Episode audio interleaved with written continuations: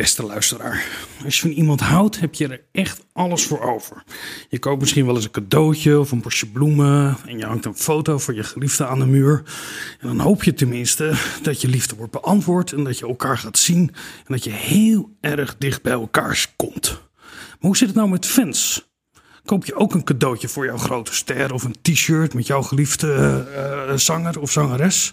Het laatste album? Speciale toegang tot een website? Mag je dan ook heel dichtbij komen? Of moet je dan misschien nog wel meer betalen? Vandaag gaan we het hebben over fans en dan met name over welke rol zij spelen in de entertainmentindustrie. Worden ze uitgebuit of zijn het gewoon ideale consumenten? Of zijn het slachtoffers van het grootkapitaal?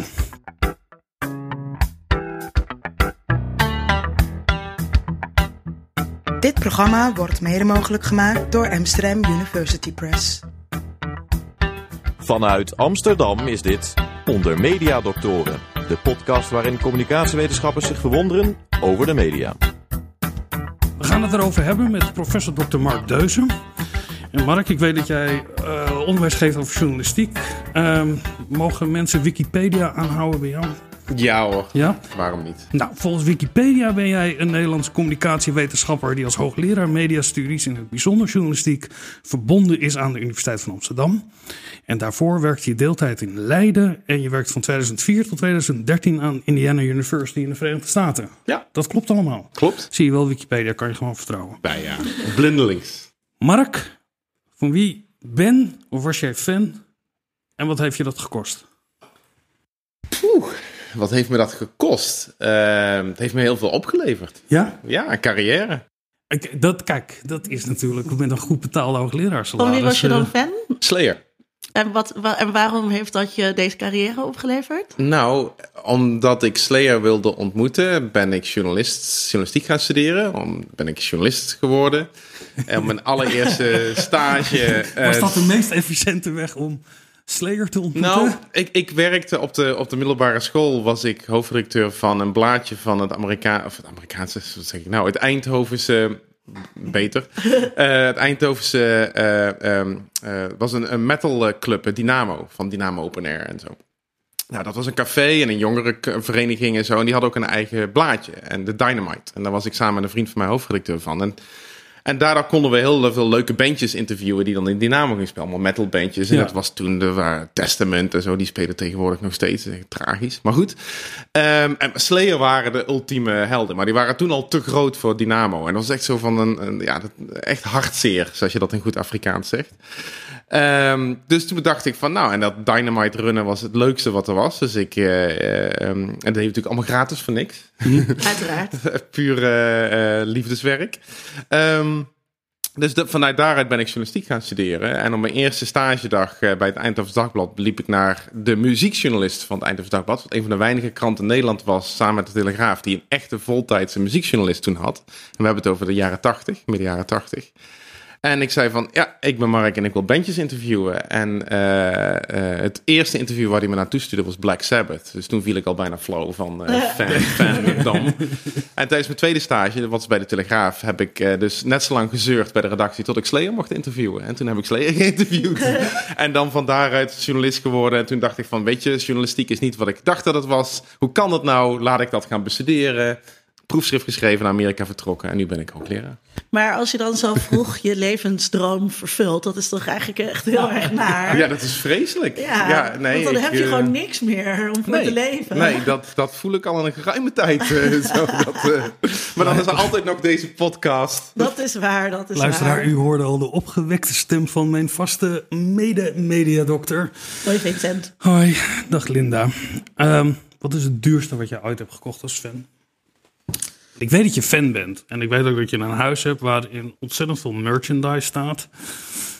Dat moet iets hebben gekocht, gekost. Eh, nee, eigenlijk, eigenlijk niet. Want het, het merendeel zijn. eh, Je Star Wars badpak heb je gekregen. Ja, het, merendeel zijn cadeautjes eh, die, ik heb gekregen. Dus als ik nou denk wat ik nou zelf heb gekocht, dat, dat weet ik eigenlijk niet. Wat dan het duurste is. Nee. Maar je geeft er ook niet veel geld, of sowieso niet aan uit. Want je gaat, eh, nou ja, Star Wars heb je Ja, dus ik ben, verschillende ik, ben, keren bekeken. ik ben fan van Star Wars. En eh, daar heb ik dus allemaal spullen van eh, in mijn huis staan. En ik heb ook heel veel Star Wars kleren en zo. En een Star Wars muts en Star Wars sokken. En nu heb ik een heel leuk Star Wars t-shirt aan met de Death Star erop. Ehm, voor, de, voor de luisteraars. Ehm, maar, en ik geef dus wel veel geld uit aan die films, om die films zeg maar te zien in de bioscoop. Maar dat is allemaal niet echt heel erg eh, exorbitant. Nee.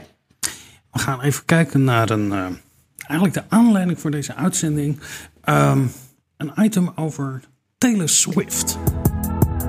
So call it what you want, yeah, call it what you want to. Als fanatieke fan ga je ver voor je idool. Heel ver. Uren door weer en wind in een rij wachten op een kaartje voor het concert van je lievelingsartiest? Geen probleem. Honderden euro's neertellen voor een kaartje zodat je er maar bij kan zijn? Geen probleem. En als je dan met pijn en moeite zo'n kaartje hebt weten te bemachtigen, is het dan eindelijk afgelopen? Nee, zo makkelijk kom je er niet vanaf. Op de dag zelf is er natuurlijk uren bivakeren voor de concertlocatie, zodat je maar een goed plekje kan bemeesteren. Houdt het daar dan mee op? Dat zou je denken. Maar daar was Taylor Swift het niet helemaal mee eens. In samenwerking met Ticketmaster lanceerden ze een systeem waar zogenoemde verified fans voorrang krijgen op het kopen van concertkaartjes. Dit systeem was oorspronkelijk bedoeld om zwarthandel tegen te gaan en werd eerder gebruikt door Bruce Springsteen en Ed Sheeran. Hier bleek echter dat het bij razend populaire concerten niet effectief was. Als extraatje voegde Dieswissel daarom een soort supervoorrang toe, die je door een algoritme wordt toebedeeld, mits je kan bewijzen een superfan te zijn. Hoe je dat doet? Je kon haar nieuwe album vooruit bestellen voor een luttele 40 euro, terwijl deze normaal slechts iets meer dan een tientje zou kosten. Als extra boost kreeg je meer punten naar gelang van het aantal cd's dat je bestelde. Daarnaast word je beloond door genoeg artikelen uit haar merchandise shop te kopen of je super positief over haar uit te laten op social media. Hoe je het ook wendt of keert, dit heeft niet veel weg van het toegankelijker maken van je concertkaartjes voor diehard fans, maar eerder van het uitbuiten van je meest toegewijde fans.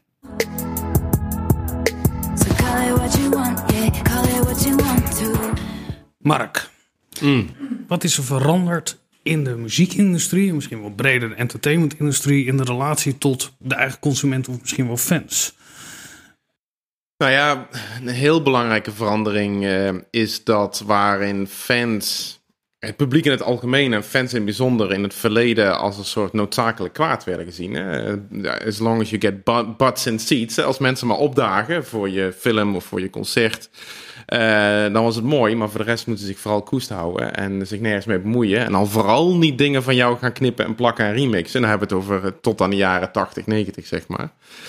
En, ehm, en dat is sindsdien toch echt wel tamelijk eh, radicaal veranderd. Hè? En deels onder invloed van internet, deels onder invloed van het zeg maar verdwijnende garantie van bestaande businessmodellen. Van, eh, gewoon toegang verkopen is niet meer genoeg. Ja. Of spullen verkopen, ook niet.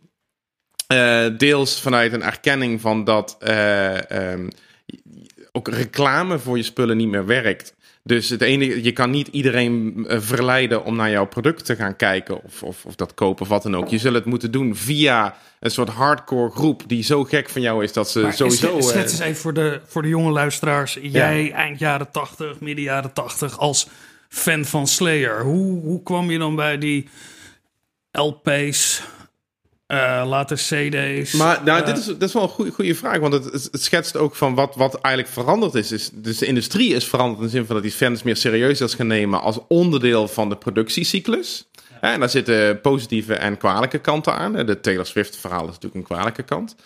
Uh, maar die fans zijn eigenlijk altijd al hetzelfde gebleven. Nou, in mijn, mijn, mijn voorbeeld van hoe kom je in de jaren tachtig met de opkomst van Slayer aan Slayer dingen. Of het nou de, eerste demo's waren of uh, kaartjes voor concerten. Kijk, de metal scene had uh, een hele actieve scene van uh, zines. Dus jongens en meisjes die, net zoals wij in de met Dynamo, zelf hun tijdschriftje bij elkaar knipten en plakten. En dat dan via de post met elkaar deelden. Uh, dan was tape trading echt gigantisch. Hè? Bandjes maken met je favoriete nummers. En die gingen de hele wereld over. En natuurlijk bootlegging, hè? concertopnames, kopieën van demo's. Uh, nou, dat, dat was de manier waarop, en dat ging allemaal per reguliere post. Eh, eh, over de hele wereld eh, eh, de metal zich verspreidde. En waardoor je dus ook als fan van Slayer zijnde aan t-shirts kon komen en aan opnames en dergelijke. En nu is dat allemaal digitaal. En zie je dus dat die scene wereldwijd eigenlijk eh, ehm, veel makkelijker met elkaar in contact komt. En dus ook explosief meer van dat soort activiteiten ontplooit. En dat zie je eigenlijk in alle scenes Maar werd dat ook gestimuleerd door zo'n band als Slayer of binnen die scene dat er dat soort fan... Nou, het werd vooral gestimuleerd door beginnende bands en natuurlijk door in- indies, hè? Dus, dus onafhankelijke platenlabels. En dat is ook het interessante van de muziekindustrie. En op- in vergelijking met andere media-industrieën, zoals de game-industrie of, of, of de nieuwsindustrie of film of televisie. De muziekindustrie, ook vandaag de dag, hebben onafhankelijke platenlabels, de kleine labels, zeg maar, hè, de indies, nog steeds wereldwijd ongeveer een kwart van de markt in handen. Ten opzichte van de, de grote jongens, hè, zoals EMI en Universal. En dat doen ze omdat ze een veel langere traditie hebben van heel actief samenwerken met fans. Ja. Tegenwoordig zijn die fans dan eh, vloggers en audiobloggers en dat soort figuren. Of influencers, weet je wel. Hm. Maar vroeger waren dit gewoon die, die jongens en meisjes die gingen tape traden, die zines gingen maken. En, en, en naar elk evenement kwamen wat er maar eh, te vinden was. Maar dat is natuurlijk, dat gaat heel erg over bandjes inderdaad. Eh, Ja. ik was in de jaren tachtig fan van Madonna, uiteraard. Eh, ik had ook in mijn huis een soort Madonna hoekje, waar ik dan al mijn Madonna spullen bewaarde. Eh, eh, een eh, toilettas, weet je wel, dat soort, dat soort merchandise was er ook allemaal. En dat was toch, toch niet bedoeld als we delen van alles leuk, maar gewoon echt om keihard heel veel geld mee te verdienen aan jonge meisjes zoals ik. Ehm, en die sterren werden ook groot gemaakt door platenmaatschappijen die toen dat promotiewerk deden. En fans deden dat eigenlijk niet, niet zo. Ja, jonge meisjes van negen, die, die, die doen niet zoveel promotiewerk. Terwijl wat je nu ziet bij Taylor Swift, is dat je dus echt aangemoedigd wordt om op sociale media haar eh, reclame te, eigenlijk eh, te, te verzorgen. Dat is toch wel anders. Dat het veel meer vroeger, zeker bij die grote sterren, heel erg top-down was. Ging ook heel veel geld in om zo'n artiest te, te creëren, zeg maar, om dat, om dat te maken. Eh, terwijl er nu veel meer uitwisseling eh, is. Ehm, waarbij eh, die fans dat werk ook heel graag doen. Dat is natuurlijk heel interessant. Zichzelf vaak ook niet als uitgebuit eh, zien. Ook al doen ze dat. Terwijl het nog steeds een heel asymmetrische machtsrelatie is. En dat is toch echt wel anders bij die alternatieve bandjes. Waar Ah, die zelf vaak ook heel erg uit een scene voortkomen. Dus die ook, eh, denk ik dan, veel meer eh, solidariteit hebben met hun fans. Ik heb niet het idee dat, dat Taylor Swift ook maar eh, Taylor Swift ook maar enige sympathie heeft voor, voor die jonge meiden. Nou, ik, ik kan niet in, in het hoofd van Taylor Swift kijken, maar ik wil wel zeggen dat een, je hebt helemaal gelijk, die, die, dat, dat het anders is ehm, en dat het nu anders is dan vroeger. Maar, eh, of en, daarbij wil ik ook wel opmerken dat een groot verschil in de manier waarop zeker de grotere pratenlabels met hun sterren omgaan van nu als toen, is dat inderdaad toen had je inderdaad dat de Madonna's en de Princes van deze wereld en de U2's werden heel zorgvuldig gemaakt. En, en begeleid van begin tot einde door platenmaatschappijen. En dat gebeurt nu niet meer. Nee. Dus eh platenmaatschappijen zijn eigenlijk net zoals filmmaatschappijen geworden. Die maken zelf geen muziek of films meer. Ze kopen de rechten op van artiesten om die film, muziek en films door te verkopen of te distribueren. En dus het cultivering van de artiest is aan de artiest. En je ziet dus ook dat, dat, dat, dat, dat eh, terwijl wij nu praten vandaag over van dat fans steeds meer het werk van de artiest en van de, niet zozeer van de artiest, maar van de, van de, van de maatschappij doen. Van de, dus de, de, bijvoorbeeld de platenlabel of, of de filmdistributeur in het geval van Star Wars. Ehm, maar je ziet ook dat artiesten het werk, van de industrie overnemen. De artiesten moeten nu naast gewoon lekker muziek maken of een mooie film maken, allemaal hele heftige intieme relaties met fans aangaan. Eh, moeten dat zichzelf voortdurend blijven performen en profileren op sociale media. Moeten voor eh, alles wat ze doen een hashtag verzinnen, zodat mensen het maar. Dus dat, en ook dat zie je de platenmaatschappij zelf niet meer doen. Die, die, de industrie, wat dat betreft, is heel slim geworden in zichzelf eigenlijk bijna volledig terug te trekken uit het productieproces in media. En dat zie je in alle industrieën, tot en met de journalistiek. Dus waarin de meeste journalistiek en nieuwsbedrijven ook nauwelijks nog journalisten hebben rondlopen. Elke dag worden er steeds meer journalistieke producten gemaakt door, tussen de 60 en 80 procent van ZZP'ers. Dus, dus, waar- waarom zou je nog journalisten rond hebben lopen? Die kosten alleen maar geld. Het is net zo goed, waarom zou je nog een drukpers hebben? Want dat kost alleen maar geld. Dat huur je tijdelijk in, klaar. Ja. Want de- de- de- je schetst heel mooi over hoe de- de bands waar jij vroeger ook fan van was, of in ieder geval Madonna, gemaakt zijn door de platenindustrie. Dus dat er bij de artiest moesten de fans gezocht worden. Eh, en wat je zegt is dat je nu moet je eigenlijk al een act zijn of een naam zijn met een fanbase die dan gekocht wordt. Ja, Eh, want dan krijg je dat er alvast bij. En is het, is het dan zo dat de fans machtiger zijn geworden hierdoor? Op een manier wel. Ehm, kijk, in, in, in een soort idealistische lezing eh, van, van de hele scene zou je kunnen zeggen dat fans en artiesten meer macht hebben samen. Dat ze kunnen el- elkaar eh, en, en samen daarmee de industrie maken of breken. Eh, het probleem, en dat is natuurlijk het structurele probleem bij elke discussie over culturele, creatieve industrie, dan wel de media-industrie, is dat er veel meer mensen zijn die creatief bezig zijn dan dat er ruimte voor is op die markt. En dat wordt heel slim uitgespeeld door de, zeg maar de, de, de, de, de intermediaries, de, de, de, mensen, de bedrijven die daartussenin gaan zitten. En dat zijn bijvoorbeeld platenlabels, eh, dat zijn filmdistributiemaatschappijen en, en dat soort eh, uitgevers, eh, omroepbedrijven en dergelijke, die tussen makers en fans in gaan zitten.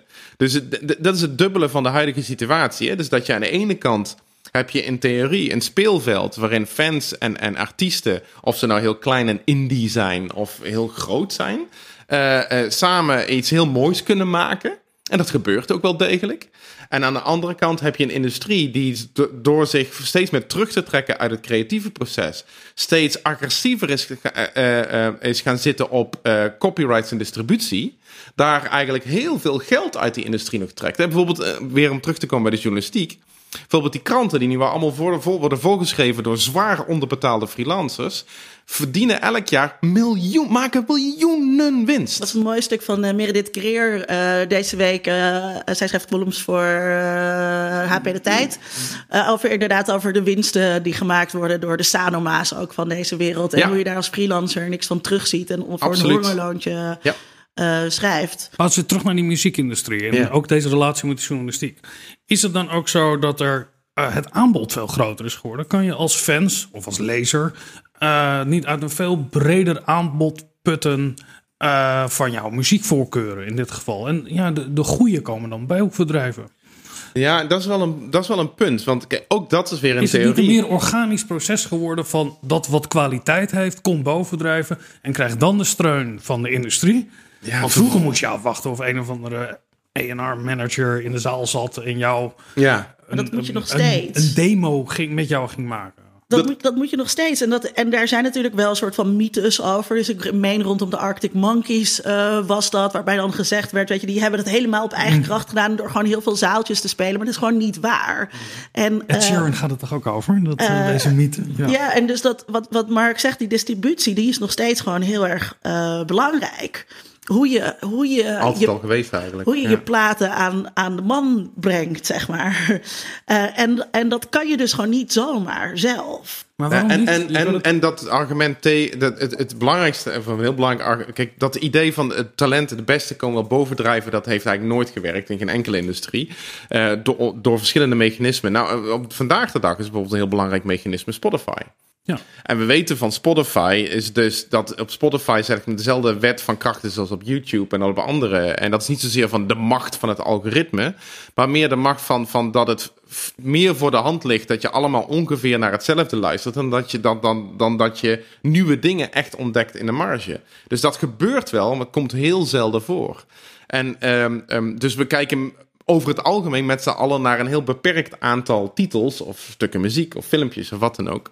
Terwijl het leeuwendeel van dat enorm rijke aanbod, wat er wel degelijk is, en daar ben ik het helemaal met je eens, eh, eigenlijk bijna onvindbaar is geworden. En ook door het algoritmische selectieproces onvindbaar blijft. Een soort Maar je paradox, hè? Maar je Ja. zegt nu van dat algoritme is niet, zo, eh, is niet zo belangrijk. Wat ik interessant vind aan Spotify is dat we heel erg van een albumcultuur naar een playlistcultuur eh, gaan. Ja. Eh, en die playlist die stelt eh, Spotify ook voor een deel samen. Ik moet altijd eh, heel erg je moet heel erg je best doen om bij je eigen playlist te komen in plaats van de dingen die Spotify voorschotelt. Uh, en er zijn algoritmes spelen daar wel degelijk uh, een rol in. Dus ik las van de week een stuk uh, waarin gesteld werd, ik weet niet of ik het nou heel overtuigend vond, dat um, dat het algoritme van Spotify mannen bevoordeelt. En dat dus dat je veel minder vrouwen ziet in die, in die veel gedraaide playlist. Um, dat, is, dat is wel een dingetje. Ja. Ja, dus het is niet alleen maar zeg maar hè, dat wij als massa bedenken waar wij graag naar luisteren. En dat daar een soort Matthäus-effect optreedt van hè, de 20% ja. krijgt 80% van het verkeer. Maar dat dat algoritme toch ook wel degelijk stuurt. Ja, nee, het algoritme is zeker niet neutraal. Het algoritme wordt deels natuurlijk gevoed door, het, door ons gedrag. En daarnaast uh, wordt het geprogrammeerd en gemaakt door een bepaald bedrijf. En uh, je zegt denk ik helemaal terecht van, van, van dat wat, wat Spotify zo bijzonder maakt, is dat daar nog steeds een grote redactionele sturing in zit. Ook in het algoritme. Niet alleen er in de playlist die ze zelf maken, maar ook in de manier waarop het algoritme voortdurend wordt aangescherpt en bijgestuurd en dergelijke. En bepaalde artiesten ook gewoon daarmee structureel uitsluit of uh, lastiger vindbaar maakt. En ik denk wat voor mij de sleutel is, is en dat is ook wat je, wat je net zei, van je moet je best doen zij om bij je eigen muziek uit te komen. En ik denk dat dat ook, ook de essentie is van deze mediacultuur. Is dat als je echt diversiteit wil, op wat voor manier dan ook, dan moet je je best doen. Ja. En het, de, de, de industrie is er op ingericht om te zeggen van, ah, maar als je het via ons doet, is het makkelijker. En dat, dat, is, dat is, maar de grap is, dat doet me eigenlijk ook alweer denken aan, aan, aan aan mijn oude metal tijd. Van ja, het is makkelijk om met z'n allen naar Metallica te luisteren en Iron Maiden. Maar toen was het lastig om te luisteren naar moeilijkere muziek. Zoals de eerste twee platen van Slayer. Of, en daarna naar, naar, naar de meer, heftige dingen. Dan, dan ben je echt wel edge. Dan ben je aan de rand. En dus die spanning die is ook alweer van alle tijden. Dus ik, ik, ik maak me wat minder zorgen over van dat we nu een soort nieuw machtskolossus hebben in de media-industrie. Met name aangevoerd door online bedrijven. Zoals in de muziekwereld Spotify en natuurlijk in de sociale mediawereld, Facebook en dergelijke. Ik denk dat wat dat betreft, wat het vooral het repliceert, is zeg maar een spanning die je eigenlijk altijd al ziet in de verhouding tussen de industrie, fans en makers.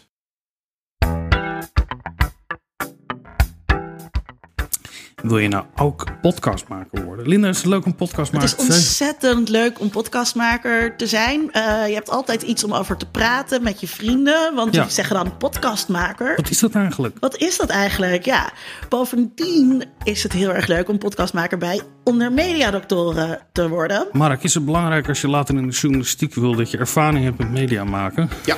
En is het dan goed om bijvoorbeeld vrijwilliger te worden bij onder mediadoktoren? Ja. Professor Mark zegt ja, dames en heren. Dus meld je aan. Wil je bij ons vrijwilliger worden? Stuur ons een brief of stuur ons iets op basis waarvan wij denken... we willen je er heel graag bij hebben. Ja, leuk. We zien er naar uit.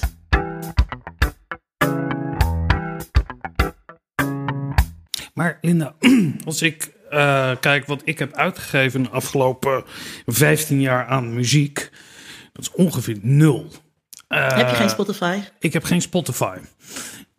Hoe luister je dan naar muziek? Nee, ik luister gewoon niet zo heel veel muziek. Ik vind ja. het toch de laatste kunstvorm die er is, dames ja, en heren. Ja, maar ik heb ook, weet je, uh, aan, aan, klassieke muziek nee, heb ik ook in de laatste zeggen, 15 jaar ook, nul uitgegeven. Nee, maar ook als jij uh, heel erg geïnteresseerd bent in muziek, dan als je dat vergelijkt met jouw krantenwijk in de jaren 80, voordat jij uh, genoeg geld bij elkaar gespaard had om een LP te kunnen uh, kopen, dan leven we toch in een walhalla voor fans op dit moment. Nou, dat, dat valt dus wel mee, want uh, ik geef ontzettend veel geld, vind ik zelf, uit aan, aan muziek, omdat je dus Spotify hebt en dan betaal je gewoon elke maand een bedrag. Uh, en uh, daarvoor deed ik, dat, deed ik dat veel minder. Ja? En met mij zijn natuurlijk heel veel mensen uh, die dat doen. Dus ik, ik vind die platenmaatschappijen vind ik niet zo, vind ik niet zo heel erg zielig. Hetzelfde geldt voor, voor streamingdiensten op televisie bijvoorbeeld. Dus ik heb een vrij duur Netflix abonnement. Uh, en uh, daar willen ze dan eigenlijk dat ik daar ook nog HBO en Hulu uh, allemaal bij neem. Nou, ik ben een beruchte pirater op dat, op, dat, op dat vlak. Ik voel me daar ook helemaal niet schuldig over. want er wordt dus gewoon wel heel veel geld binnengehaald. Wat heel vaak niet naar die artiesten gaat ook. Uh, dus ja, leef je als verder in een? Dat, dat denk ik niet. Nee, dus ze vinden steeds weer nieuwe manieren om geld aan je te verdienen. En uh, kijk, in de tijd van Madonna had je dus inderdaad al die merchandise. Wat, wat zij goed deed, Star Wars is daar natuurlijk groter mee geworden. Star Wars heeft meer verdiend aan de merchandise dan ja. aan uh, de, de, de films. Ehm, maar nu zijn er nog weer allerlei manieren. Dus iedereen, weet je, een beetje zichzelf respecterend artiest heeft ook een parfumlijn. Ehm, wat je, wat je dat dus ook weer allemaal eh, moet kopen. Dus je kan als fan meer. Maar er zijn ook meer manieren bijgekomen voor die bedrijven om geld aan jou te verdienen als fan. Gaat het goed met de muziekindustrie, eh, Mark? Ik weet het niet. Kijk, of ik, geld? ik wil één even nu melden dat ik eh, aan, aan deze tafel zit met een t-shirt aan van mijn eigen band. Dus in de hoop dat het nu door al jullie honderdduizenden luisteraar. luisteraars wordt, Skinflower. wordt opgepikt. En iedereen meteen eh, natuurlijk eh Wat naar... kost dat t-shirt als mensen dat willen bestellen? Kost helemaal niks. Kost die kan gratis, eh, beste luisteraar, als jij een t-shirt Maar wil. zijn jullie te vinden via Spotify? Nee, nee, nee. We zijn eh, nog niet de studio. We kijken, dit is een band waar ik destijds in zat. We zijn pas weer bij elkaar gekomen. We zijn net voorzichtig beginnen met weer toeren. Dus eh, we geven t-shirts bij concerten weg. Ja, ja. Dus eh, ehm, Goede zelfpromo, Mark. ja. Maar het is wel grappig, want, want het is inderdaad ook van, nou ja... ik, weet, ik bedoel, de laatste keer dat wij met deze band samenspeelden... toen was, eh, was, het, eh, was er nog geen World Wide Web. Weet je wel, eh, groot praat, deze praat. Maar dit was 1994.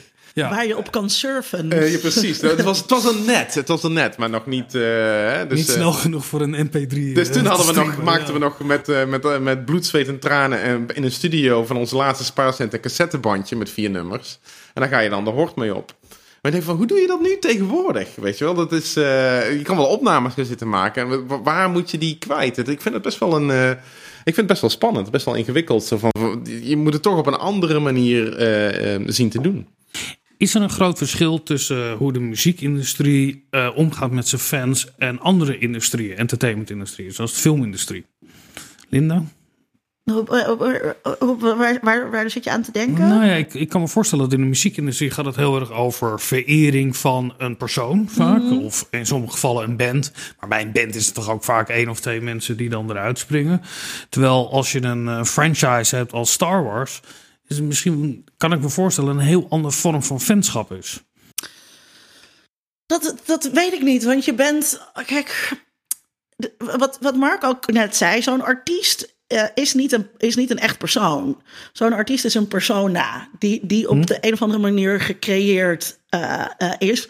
En waar jij dan een bepaald beeld van hebt. Dus in die zin zijn popartiesten ook fictie. Leave Britney alone. Leave Britney alone. Ja, en ehm, ja, dus er gebeuren wel interessante dingen in fandom vandaag de dag. Dat dus anti-fans bijvoorbeeld ook heel belangrijk zijn, zijn eh, geworden. Eh, de Kardashians zijn daar een heel goed voorbeeld van. Dat zijn ontzettend beroemde mensen allemaal, die ontzettend gehaat worden. Ja. Je zal zelden iemand vinden die zegt: Ik ben echt fan van Khloe Kardashian. Eh, maar die dus, die dus eerder al die aandacht ergens inpompen. ehm, eh, die negatieve aandacht ergens inpompen, wat ook, wat ook een effect heeft. En dat anti-fandom zie je nou bijvoorbeeld ook heel sterk natuurlijk bij Star Wars, waar veel over, over te doen is geweest, over fans eh, die heel erg eh, boos zijn over verhaallijnen, fans die heel erg boos zijn over diversiteit, want daar voelen ze zich door bedreigd. Ehm, en die, die haatmachine is ook een publiciteitsmachine. dus dat, dat vind ik wel een interessante ontwikkeling. Want ik heb het idee dat het vroeger. ehm, had je natuurlijk ook wel eh, anti's, maar daar had je gewoon niet zoveel last van. Ik denk dat dat het was. Dus als mensen dan thuis zaten te bitchen. eh, op een film of op, weet je wel, dan was dat gewoon in de huiskamer en dan, en dan viel je daar niemand mee lastig. Terwijl nu eh, vallen die, die anti-fans wel degelijk mensen lastig. Niet in de laatste plaats de mensen waar het over gaat. Dus een van de actrices uit de laatste Star Wars film eh, is gestopt met sociale media omdat het aantal doodsbedreigingen gewoon eh, ondoenlijk werd. Was dat dan zo anders toen jij vroeger fan was en je zat in je eigen scene in Eindhoven? Waren er ook anti's? Nou, ik, ik denk eh, wa- wa- wat, wat, wat echt een verandering is, eh, waar we aan het begin ook al over hadden, is, is, is dat er nu veel meer van een soort van, ik weet niet of je het echt een dialoog of conversatie kan, kan, kan spreken, maar die is er nu wel. Dus de, tussen fans, anti-fans, tussen artiesten eh, en, en die, die, die labels en dergelijke en, bedrijven zitten daar eigenlijk al lang niet meer tussen, tussen niet direct. En, en die dialoog die is een heel belangrijk onderdeel van het, de productiecyclus. Zowel creatief gezien, Hè, dus bijvoorbeeld eh, eh, eh, fans van een bepaalde televisieshow als een nieuw seizoen komt, die online met elkaar gaan praten over wat moet er met de verschillende karakters gebeuren, waarbij producers gewoon echt meepraten of opletten. Hè, dat is ooit begonnen door J.J. Abrams met Lost. En dat is daarna nu echt schering en inslag in de industrie. Ehm, Steven Soderbergh, een bekende regisseur, die heeft een bedrijf, zijn filmbedrijf heet niet voor niks Participant Productions, die rondom zijn films, de thema's van zijn films, ook allerlei maatschappelijke debatten organiseert en daar ook de informatie van meeneemt in de planning van andere pro- projecten. Ehm, Maar is dat een actief co-auteurschap van een fanbase? Of is het gewoon een goedkope eh, focusgroep onderzoek... eh, eh, wat meer in termen van marketing gezien moet worden? Ik, ik denk dat beide varianten voorkomen. Ik, eh, ik denk dat er echt heel veel makers zijn, eh, nu veel meer dan vroeger, die beginnen te beseffen van dat dit niet alleen een handige, maar ook een hele leuke manier is om, om met je werk om te gaan. Of je nou televisiemaker bent, of muzikant, of journalist. Ehm, er zijn natuurlijk zijn er ook wat meer cynische manieren om dit te gebruiken. Ehm, en, en daardoor zie je ook. Daar, daar, daar krijg je denk ik ook die grotere rol van anti- anti-fans bij. Die dus de, de, de zeepbel van nep-authenticiteit doorprikken. Van dit is helemaal niet eh, met, met, met ons, ons serieus nemen. Dit is gewoon ons misbruiken. En nou, dan krijg je daar een interessante discussie over. Dus authenticiteit wordt erin een interessante... eh, wordt, wordt een soort van hard currency. Een authentieke artiest die neemt zijn fans serieus en die gaat ermee aan de slag. Wat ook gigantisch veel extra werk is, betekent voor, voor eh, artiesten. En dat is ook de reden waarom veel mediaprofessionals er toch ook hier huiverig voor zijn. Hè, dat zie je in de journalistiek, dat zie je in de reclamewereld, dat zie je in de gameswereld. Op het moment dat je fans serieus gaat nemen, dan kost dat, eh, dat is al omtrent een dagtaak. En eh, als je dat goed wilt doen, als je dat serieus wilt doen, en dat haalt tijd en, en ruimte weg van je eigen creatieve werk. En dan gaan mensen gaan er voor heel veel redenen in de media werken, maar meestal is het niet om eh, leuk de interactie met fans op te zoeken. Die willen meestal hun eigen verhaal kwijt. Ja, dus da- daar zit een creatieve spanning. Niet alleen een commerciële, maar ook een creatieve spanning. Want is daarmee ook de rol van eh, de fan veranderd, Linda? Op het moment als je kan meepraten, dat je ook mee moet praten of dat je ook gehoord wil worden. Nou, vooral dat laatste, denk ik. Dat, dat mensen willen heel erg graag eh, eh, gehoord worden. En je kan gewoon niet iedereen tevreden stellen. Dat, dat is ook gewoon zo. En eh, zo'n Star Wars fandom, dat is heel erg groot. Er zitten heel erg veel verschillende mensen in. En de makers zijn ook nog weer steeds bezig met het aanspreken van nieuwe eh, eh, doelgroepen eh, om dat fandom nog meer te laten groeien. Ja, dat, dat gaat gewoon niet. Dus aan de, aan de ene, dat vind ik bijvoorbeeld heel interessant met de reacties die er waren op de, op de um, eerste vrouwelijke Doctor Who. Um, um, en, en binnen het fandom waren er allerlei mensen die dan heel afwijzend reageerden natuurlijk. En dat zijn dan allemaal oude witte mannen voornamelijk. Of jonge witte mannen. Uh, maar in, maar in de, je moet het in de mannen... En Wijs je nou naar mij? En de, de mannen en de witheid zoeken.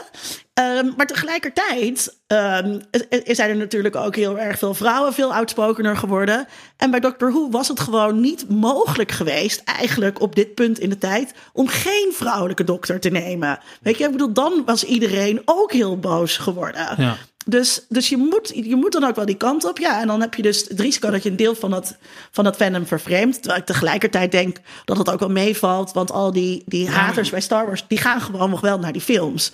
Die kopen nog steeds wel gewoon t-shirts. Nee, je zegt twee dingen. Je zegt aan de ene kant, het kan niet anders dan dat je een vrouwelijke Doctor Who hebt. Of dat je een, een, een, een, een zwartere cast hebt in Star Wars. Zwarte uh, James Bond. Uh, zwarte, Idris Elba, wat uh, altijd een heel lange discussie is al jaren. Uh, als ik dan chargeer, krijg je dan niet een enorme politiek correcte behaagzieke cultuur? Op het moment dat wij, uh, hè, ik geloof dat het Plato al was, die zich tegen een soort totale democratisering om maar je fanbase te behagen. Dat lijkt mij toch voor de grote kunst een heel erg slechte ontwikkeling, uh, Mark. Dat lijkt mij ook. En, en, en, maar ook daarin is het weer van hoe authentiek ga je hiermee om? Dus dus um, je kan zeggen dat, dat het, het mooie van de rol van fans in culturele productie is dat ze een stem hebben, dat er een relatie ontstaat tussen maker en, en, en, en consument of publiek, dat ze samen tot diepere inzichten komen en mooiere ervaringen. Dat is een prachtig mooie uh, theorie. Uh, de, de, de, kwalijke kant is van, van als je ziet hoeveel werk dat kost voor iedereen eh, eh, die daarbij betrokken is voor fan zowel als maker. En dat het dan ook iets weghaalt van de authenticiteit en de stem van de maker. Dat zou best kunnen. Eh, dus daarin is het ook van heel zorgvuldig schipperen. Van nou, in hoeverre ga je daaraan mee? In hoeverre ga je daar cynisch mee om? In hoeverre besteed je dat hele programma uit aan je... Bijvoorbeeld als je muzikant bent, dan teken je maar toch zo'n 360 deal. Hè, die nu helemaal, dat nu de standaard is. Dat betekent dat je niet alleen je muziek weggeeft, maar alles wie je bent. Ja, ook de live performances en de hele mer- alles. Je kleding, al, hoe, Ja. je, hoe je praat, alles wordt wat dat betreft eigendom van een bedrijf die het op alle manieren kan vermarkten en uitzetten. En dan heb je er helemaal geen controle meer over. Dus, dus er zijn. dat- Faust. het, het, is, het, is, het is, ja, inderdaad. Het is een hele eh, eh, complexe eh, eh, structuur. Wat, wat, wat ik wel. En, misschien wel- iets over fandom, wat, eh, waar ik me laatst eh, veel mee bezig hou. Wat ik toch wel interessant. Ik ben ook benieuwd wat jullie ervan vinden. Eh, kijk, een heel belangrijke stem in de hele discussie over de rol die fans spelen in mediaproductie is die van Henry Jenkins eh, Ja. geweest. Hè? Amerikaanse mediawetenschapper. Hij heeft natuurlijk al in de begin jaren negentig boeken hierover geschreven, die, die, die echt ook wel in de industrie iets heeft veroorzaakt. Natuurlijk tien jaar lang een prachtig programma op MRT gerund, waar de halve industrie bij kwam aanzitten over van nou, hoe gaan we met fans om, wat moeten we samen doen. Enorme invloed gehad. En, Als je in één zin moet samenvatten, eh, Jenkins, mogen er ook twee zijn, van wat de, het keerpunt eigenlijk is geweest in zijn denken ten opzichte van daarvoor. Hij heeft zeg maar de, het, het, het, de activiteiten die fans doen. In zijn, zijn eerste studie was die onder Trekkies, hè, fans van Star Trek. Heeft hij zeg maar eh, serieus genomen. Ja. En niet weggezet als van nou gekke nerds die verder niks beter te doen hebben. Maar van nee, dit zijn authentieke creatieve acties van mensen die graag samen met makers een mooi verhaal willen vertellen. Dat het toedoet. En wat bijdraagt aan een meer divers verhalenuniversum. Dus neem, hij, hij zei ook altijd in de industrie, neem fans serieus. Hè? Want op dat, dan wordt je product beter van. Nou, ehm, en eh, zijn werk in de laatste jaren, en eh, ehm, ik mag je bij op, ik, toevallig heb ik je de pas. Jij sprak hem gisteren, Ja, ik heb hem gisteren, Kijk, ja. we hebben Oh, uit, eh, jaloers. vers van de pers. Nou ja, ik ben met een, met een boek bezig waar hij aan meewerkt. En, en, en, en toen, to- toevallig ging het, dat was echt puur toeval, ging dus deels die, van die discussie ging over. ehm, als jij tegenwoordig studenten vertelt wat het is om in de media te werken, om, om muzikant te zijn, om game developer te zijn, om filmmaker te zijn Podcastmaker. podcastmaker, dan, dan leer je, je, je een van de dingen die je daarbij leert is van, nou, ga met fans om. Hè? Ga, neem je publiek serieus. Hè? Eh, en dan gebruik je de literatuur van Henry en van dat soort dingen. En, en, en eh, nu zijn er dus twee kampen in, in, in, de, in de mensen die zich hiermee buizen. Ene zegt van, hartstikke goed, moet je doen, want dan worden mensen kunnen autonomer carrière maken als ze een band eh, scheppen met hun fans en dan zijn ze veel meer, minder afhankelijk van de grillen van de industrie. Aan de andere kant zegt van, dat moet je juist niet doen, want dan krijg je het argument wat jij maakte. Daarmee verlies je je authentieke stem en dan verlies je je mogen om echt kritisch te zijn op hoe die industrie functioneert. Als je je er helemaal in onderdompelt en nou goed. En dat legde hij dus aan hem voor. En hij werd woedend. Hij zei van, ja, wat is het nou voor bullshit? Want je gaat ervan uit als, alsof eh, eh, fans en artiesten en makers echt niet snappen hoe de industrie werkt. Die weten dat donders goed. En, en toen maakte hij een punt wat ik echt wel heel erg interessant vind. En dat, dat, dat neem ik ook wel echt graag mee. Dat is van dat eigenlijk fandom en eh, de beste basis is voor mediawijsheid. Want fans gaan heel actief en creatief met media om, wat voor media dan ook, verpakken het, verknippen het, ver- ver- ver- maken het hun, van hunzelf. En want fans, fans zijn niet alleen niet zozeer fan van Taylor Swift, maar van de Taylor Swift die ze zelf, zij zelf maken. Als zij het t-shirtje aan hebben en dat rokje wat zij ook vorige week aan had en dat soort Ja. dingen meer. En, eh, en daarin, door dat te doen, leren ze eigenlijk ontzettend veel van hoe media eigenlijk werken. En waarom is dit nou zo belangrijk? Ik denk een algemeen een belangrijk punt van hoe nuttig het is om naar fans te kijken, of voor ons. Maar iets anders is, in Nederland zitten we in een hele bijzondere situatie nu. Dus een beetje stokpaardje dit, maar Allah, vergeef me. Ehm, eh, de Nederlandse regering eh, heeft een regeerakkoord gemaakt vorig jaar. En daar is heel veel mis mee. Maar iets wat er heel mooi in is, is dat het als eerste land ter wereld hebben gezegd... vanaf 2020 moeten alle basis- en voortgezet eh, eh, onderwijs... moet een curriculum zijn over digitale geletterdheid. Eerste land ter wereld wat het in, in een regeerakkoord wegzet. Dus de opdracht aan alle scholen, gaan we zo'n curriculum maken. Nou, alle scholen in paniek, die zijn nou met een groot eh, landelijke discussie bezig. Op de website curriculum.nu wordt die discussie gevoerd. Iedereen kan meepraten over een aantal thema's. En een van die thema's is mediawijsheid slash digitale geletterdheid. Nou, die discussie is bijna klaar. En wat echt schandalig en verschrikkelijk is, is dat het, het advies wat er nu ligt, het, het- daar staat creativiteit, maken, nergens meer. Het is allemaal angst. We moeten ons wapenen tegen de enge industrie en tegen de gevaren van sociale media. En, en juist, dus Nou, met Mark, andere woorden, de fans zijn, zijn weggegumpt en dat vind ik echt verschrikkelijk. Ik heb Nou, een keer een is- proefschrift geschreven. en dat gaat hier precies over. Cool, ja, ja natuurlijk. Over ja, die ja. voortgaande discussie waarin we altijd spreken vanuit eh, angst of kwetsbaarheid van een andere groep die nooit onszelf is. De kwetsbare Eh, kijker de heet kwetsbare kijker, van Vincent eh, zoek het Ja, maar eens nee, op. dat is een bekend Ehm, eh, werk. Ja. Maar even terug naar Jenkins, wat hij zegt, is dat hij. Eh, zijn fans dan inderdaad die kritische mediaconsumenten die we eigenlijk voor ogen hebben als we nu naar de jeugd kijken? Nou, ik wil- Moet wil- iedereen fan worden? Ik wil eerst nog even, even doorgaan, want ik ben een fervent eh, eh, criticus van, het- van het hele mediawijsheid eh, circus. Ja, omdat die term dus heel vaak ingezet wordt als een soort simpel middel. De, de verantwoordelijkheid wordt eigenlijk bij de consument gelegd, waarmee de, de industrie zelf niet gereguleerd hoeft te worden. Met als voorbeeld natuurlijk reclame gericht op kinderen.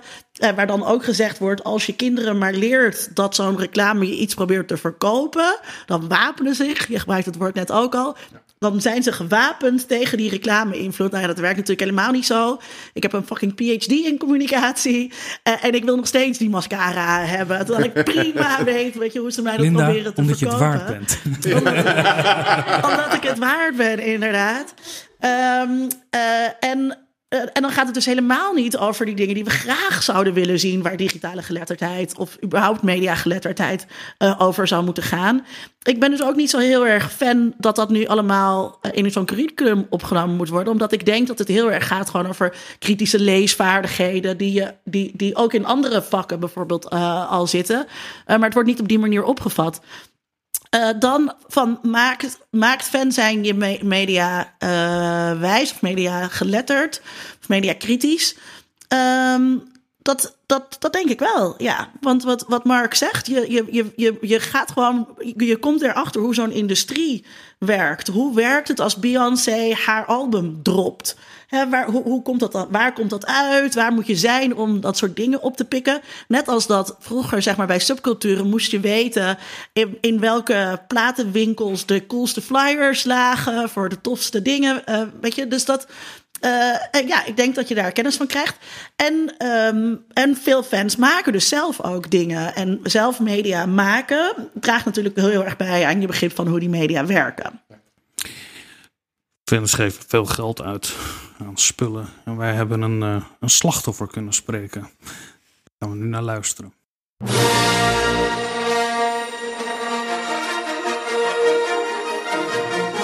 Mijn naam is Sidney Smeets. Ik ben eh, advocaat, strafrechtadvocaat. Eh, maar daarnaast ben ik ook een enorme geek. En maak ik samen met onder andere Linda Duits en Tom Aalmoes een podcast.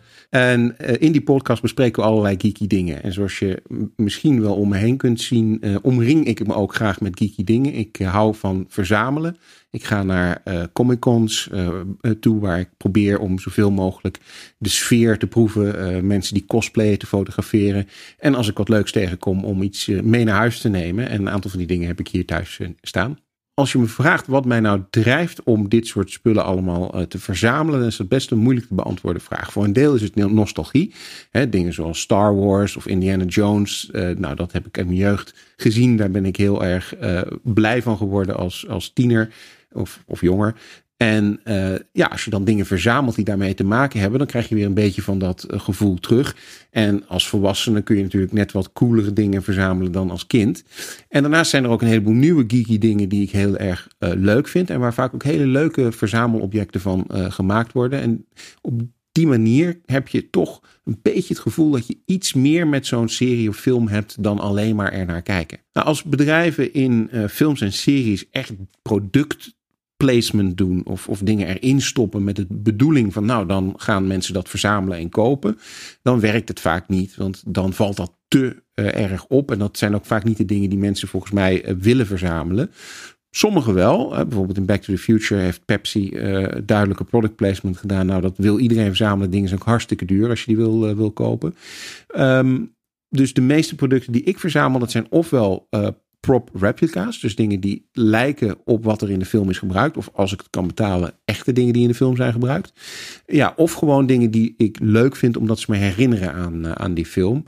Ik heb er niet zo moeite mee dat bedrijven daar geld mee verdienen. Dat is een beetje zoals de wereld eh, werkt. Ze verdienen al geld aan mij als ik naar die film toe ga. En inderdaad, als ik merchandise koop, dan verdienen ze daar ook eh, geld aan. Uh, maar ik kies er zelf voor om die merchandise te kopen. Ik vind het leuk om die merchandise te kopen. Ik vind het soms ook jammer dat er bepaalde merchandise niet is. En dan hoop ik dat ze dat gaan maken. Dus in die zin, ja, kan ik het moeilijk kwalijk nemen als ze dat dan ook gaan doen. Uh, ja, als je wil verzamelen, en zeker als je wat meer wil gaan verzamelen, zoals props, hè, dingen die echt in de film zijn uh, gebruikt, dan moet je goed gaan uh, zoeken. Er zijn een aantal bedrijven die dat verkopen. Je hebt in uh, Londen bijvoorbeeld uh, een, een, winkel die gespecialiseerd is in het verkopen van echte props, die dus echt in films zijn gebruikt. En verder zoek ik wel heel specifiek ook bij bepaalde veilinghuizen of ze iets in de aanbieding hebben. Laatst had ik geluk. Er was iemand die verkocht een enorme collectie van allemaal film memorabilia. En daar zat ook een originele nou, prop van Indiana Jones, althans Raiders of the Lost Ark, uh, in. En dan moet je geluk hebben. Niet zoveel mensen hadden het door dat dat uh, verkocht werd. Uh, en nou ja, ik moest er wel wat voor bieden. Het was nou weer niet zo duur als de zweep die twee jaar geleden is gekocht. Daar betaal je anderhalve ton voor. Maar voor zoiets, en als je dan geluk hebt, nogmaals met zo'n veiling waar niet zo heel veel mensen aan het bieden zijn. Nou, dan kan je voor een paar honderd euro soms al iets kopen wat echt wel heel cool is. Wat gewoon op beeld gebruikt is. Um, ja, qua tijd, um, ik besteed er best veel tijd aan. Ook omdat ik wel op vakanties bijvoorbeeld probeer om locaties te bezoeken waar films zijn opgenomen. Dat is ook een onderdeel van mijn uh, fandom. Ik ga naar Comic Cons, dat kost heel erg veel tijd. is ook eigenlijk helemaal niet leuk, want het is een enorme uitputtingsslag als je daar uh, aanwezig bent en je wil echt iets, iets zien. En het kost gewoon veel geld. Uh, in de zin van als ik ga reizen, dan is het vaak een combinatie. Ik ga niet, meestal niet alleen maar voor zoiets, maar vaak is het een combinatie. En de dingen die ik koop, uh, de dingen die hier om me heen staan, ja, dat kost ook allemaal geld. Ik heb in die zin het geluk, ik heb geen kinderen. Dus ik kan al mijn tijd en geld wat ik over heb, tussen aanhalingstekens, kan ik besteden aan de dingen die ik leuk vind. En het is ook wel iets wat ik me kan herinneren als, als kind. Uh, heb ik echt een concrete herinnering dat ik als kind met mijn Star Wars speelgoed aan het spelen was. En dat ik dacht van nou, als ik later groot ben, dan heb ik geld en dan ga ik echt allerlei dingen kopen. Nou, dat is ook een beetje wat ik, wat ik heb gedaan. Dus er is een droom uh, uitgekomen. En zo werkt het wel een beetje met fandom. Um, er zijn vaak dingen die je gewoon echt wil hebben. En dat zijn zeker bij bijvoorbeeld con exclusives. Dus dat zijn dingen die alleen maar op een bepaalde Comic Con verkocht worden. Ja, als je dan op die con bent, dan wil je het ook hebben. En je weet ook dat als je het koopt, dan is het op het moment dat je het gekocht hebt, ongeveer vijf keer over de kop gegaan op eBay. Uh, dus je wil sommige dingen heel graag hebben.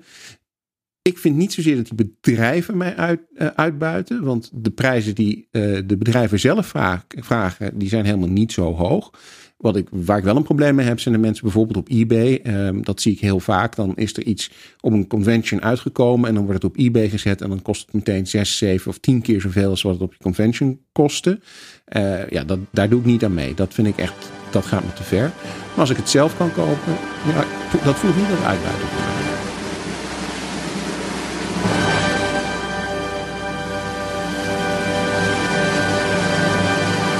Dankjewel, uh, Sydney, voor uh, nou ja, je verslag als slachtoffer.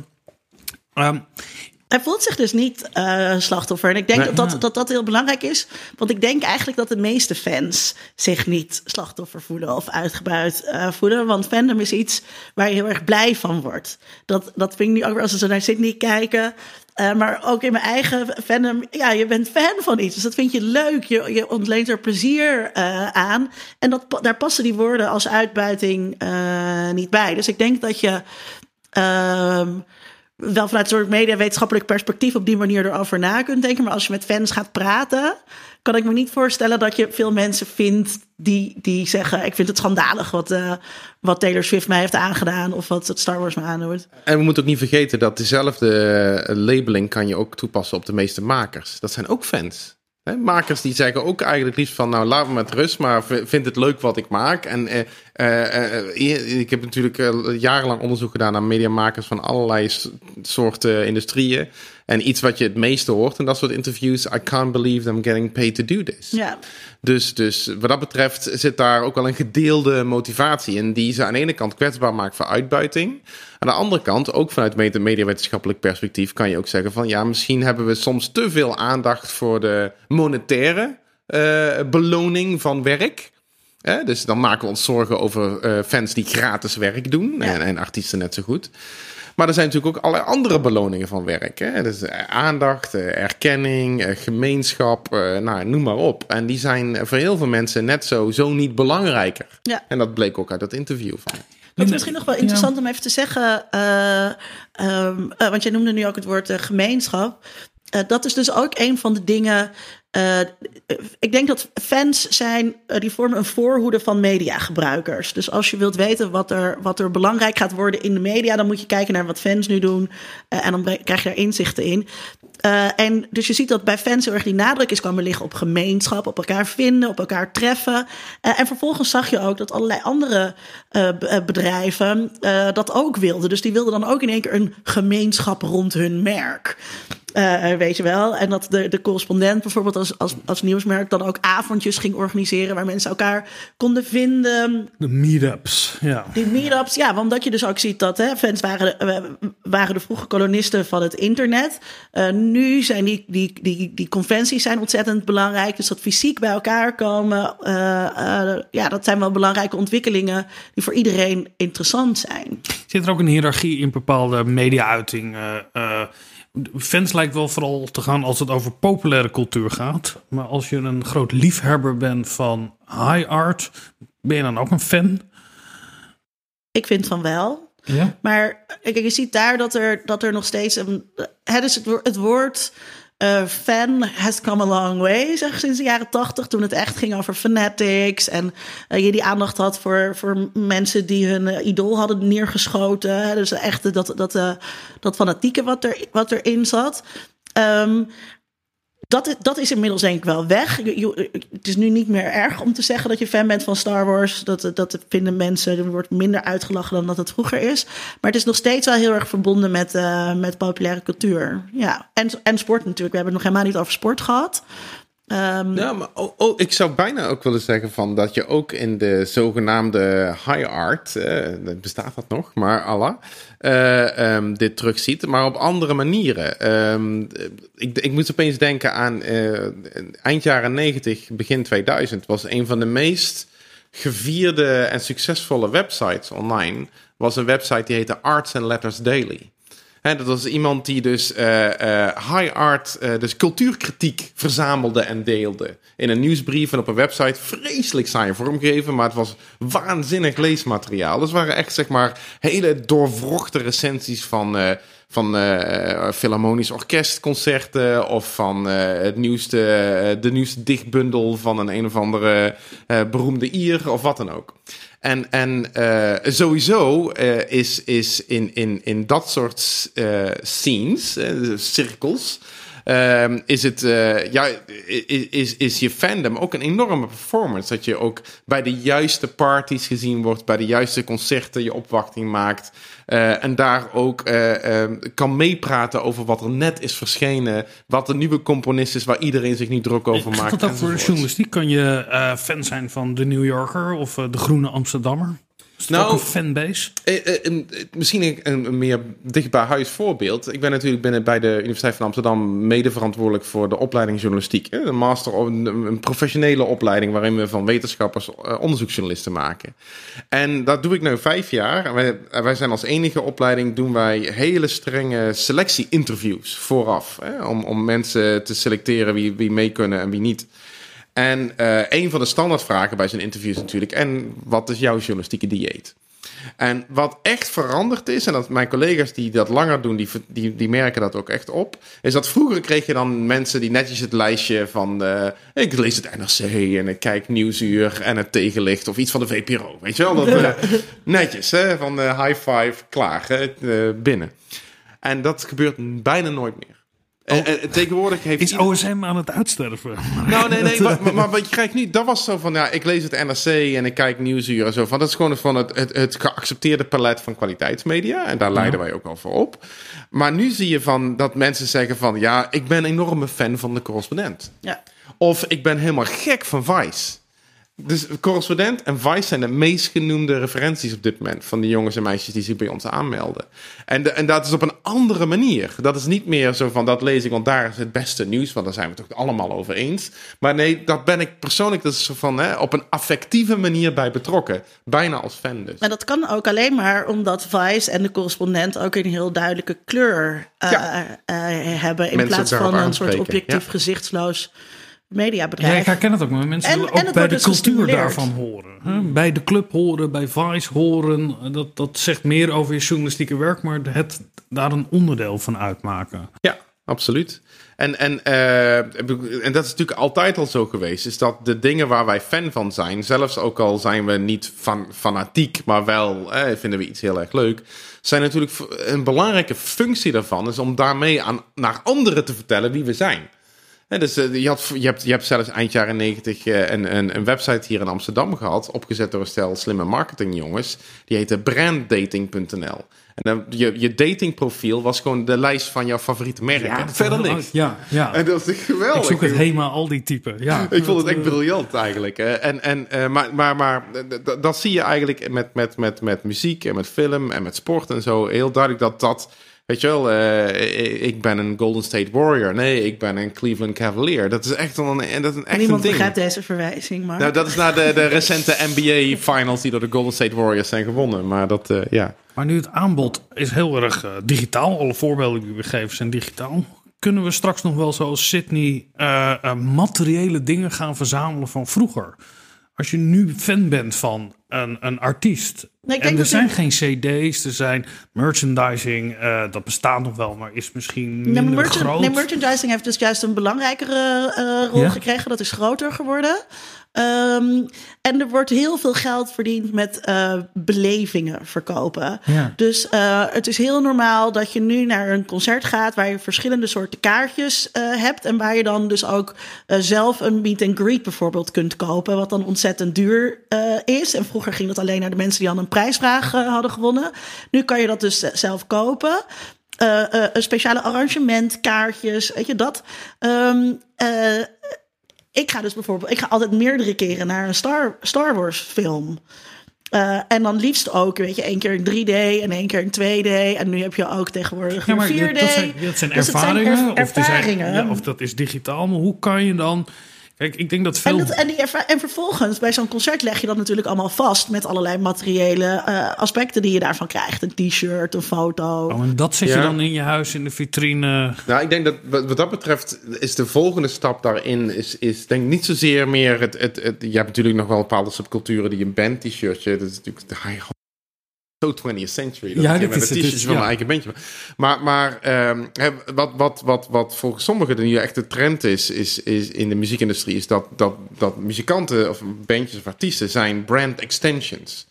Dus eh, waarin het gaat niet zozeer om het verkopen van een t-shirtje met de naam van de artiest, maar de associatie van de artiest en die muziek en die ideeën erin met een bepaald product en daaraan gekoppeld weer een aantal bepaalde beleving. En dat kan dan inderdaad Coca-Cola zijn of eh, een, eh, Samsung of wat dan ook. Dat, die, die, die, dat die, die, die identiteit daar naadloos in overgaat. Dus je, je koopt niet meer een t-shirtje van je favoriete band, maar je koopt eh, de, de, de, het merk telefoon waar jouw band mee geassocieerd is. En dus op, de- dat op die manier dat, dat, dat, dat, dat allemaal door elkaar heen loopt. Want inderdaad, de afzonderlijke Oh, dus het product zelf is niet meer zo één op één verbonden met de artiest, maar alles wat daar. Want ik maak me wel zorgen dat al die babyboomers die, die kopen dan de nieuwe eh, CD-box met een remastered Bob Dylan om Ja. nog zuiverder te horen hoe vals die zingt. Eh, dat, dat verdwijnt.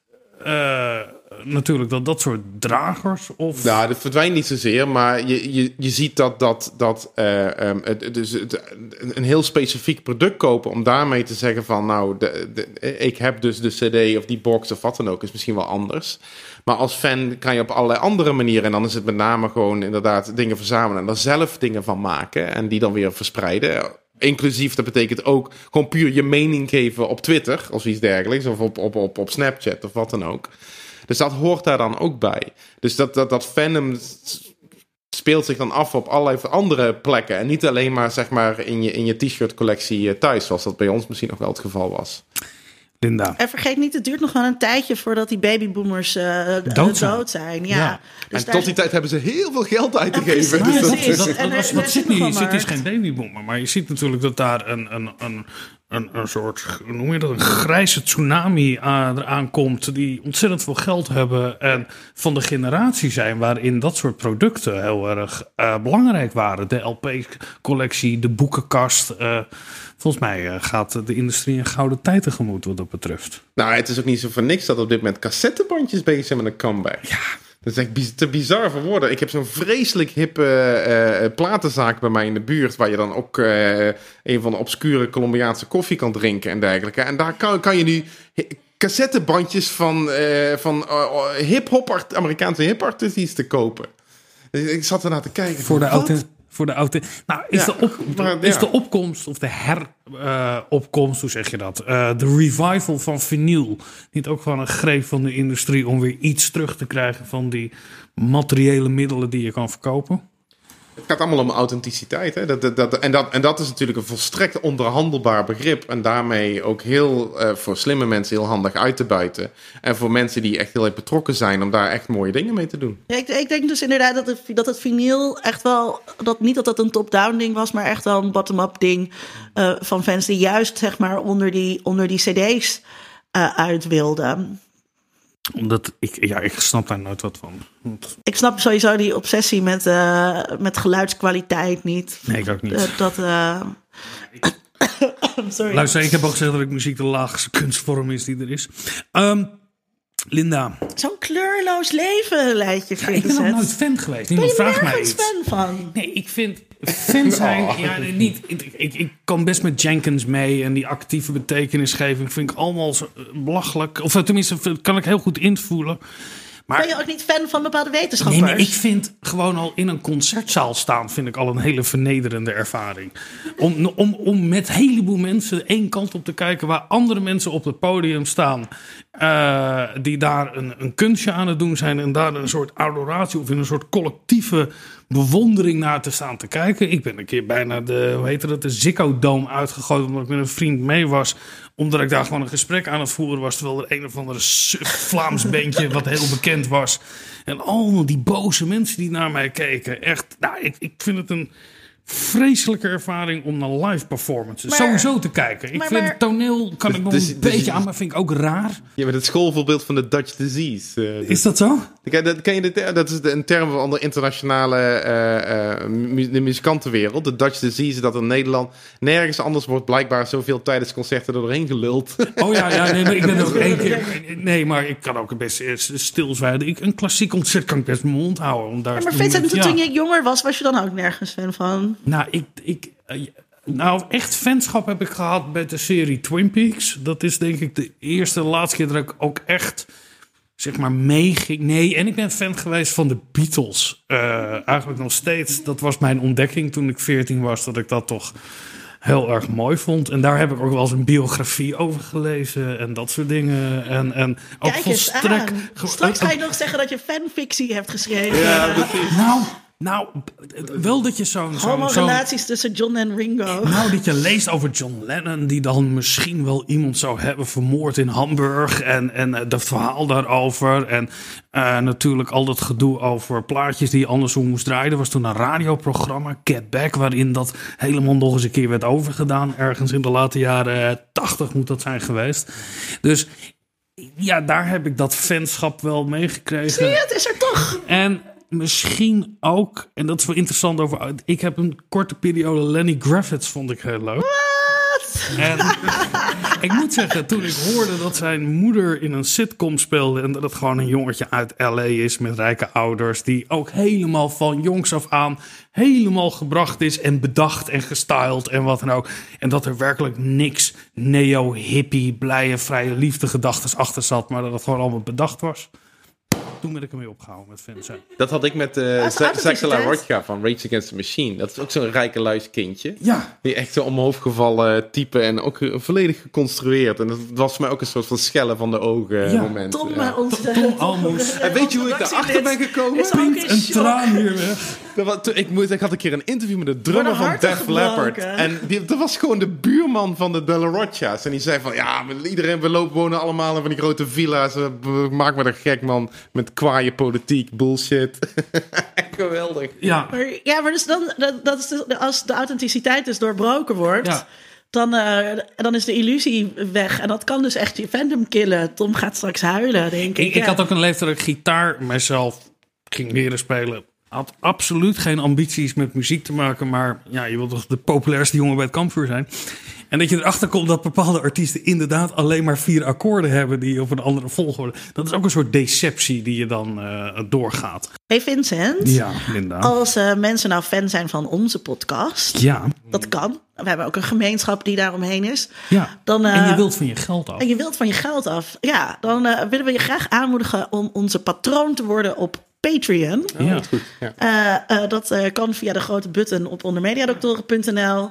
En Linda heeft twee weken geleden al verteld dat ze echt hele intieme dingen met je wil doen als je meer dan 1000 dollar zou storten. 100 euro was het. 100 geloof ik. euro, ja, kijk. Dat is ook niet moeilijk doen. Maar hebben jullie ook gear, merchandise? wat, we hebben stickers. stickers. We hebben Oh, stickers. Ja, Zeker. dus Ja. als je, als je voor zo, ik weet niet meer wat het bedrag is dat we gezegd hebben, maar als je voor zoveel eh doneert, dan eh, krijg je stickers. Oké. Ja, want er moet wel wat tegenover staan. Ja. En, en je kan dus ook, als je dus zoveel geld uitgeeft, kan je komen en dan gaat Vincent een dansje voor je doen. Nou ja, kijk, het- we hebben het gehad over dat door fanschap je meer nabijheid krijgt. Dat kunnen we heel letterlijk nemen. Dus als je nou, 100 dollar stort, dan eh, mag je hier komen aanschuiven als eh, gast en toeschouwer van eh, de podcast. Met publiek doen. Dat, dat, dat Mark knikt instemmend. Mark, worden fans uitgebuit? En zo ja, waarom niet? Ehm, ja, fans worden uitgebuit. Maar dat is niet altijd erg. Nou, dat is wel een heel erg kort en bondig antwoord. Linda, aan jou dezelfde vraag, want we sluiten hem altijd af natuurlijk met het beantwoorden van de ja, fans worden uitgebuit en, eh, en in sommige gevallen is dat, is dat erg. Eh, om, ook al hebben de fans niet altijd, kijken ze niet zelf in dat soort termen eh, erna. Ze, ze zitten in een ongelijke machtsrelatie. En ik denk dat dat belangrijk is om aandacht eh, aan te besteden. Eh, en, en, en grote platenmaatschappijen en filmmaatschappijen zijn ook gewoon evil. Dus dan, daar mag je ook best een beetje kritisch op zijn.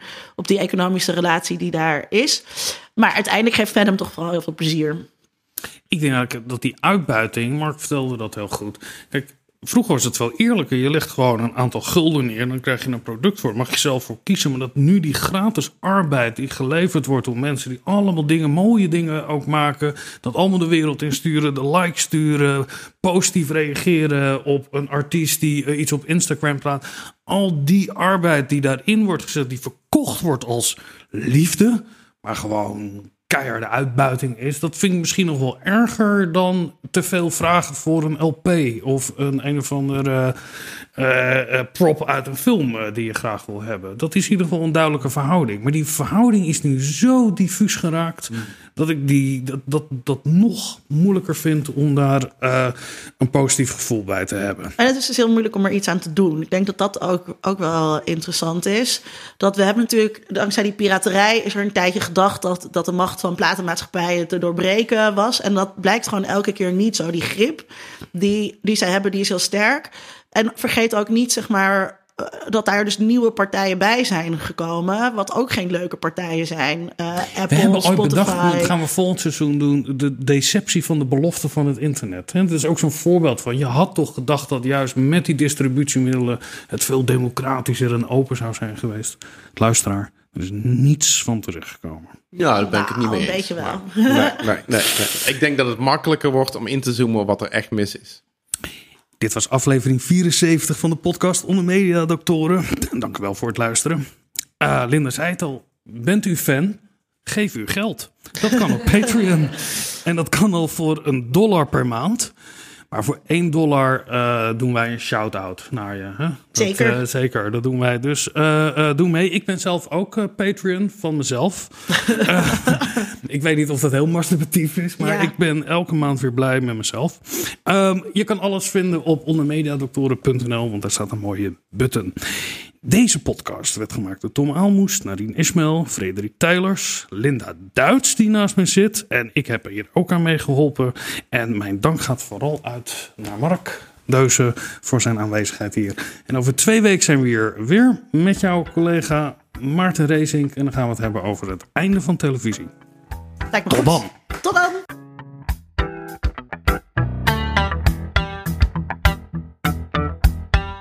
Onder Mediadoktoren is een podcast van Vincent Kronen en Linda Duits.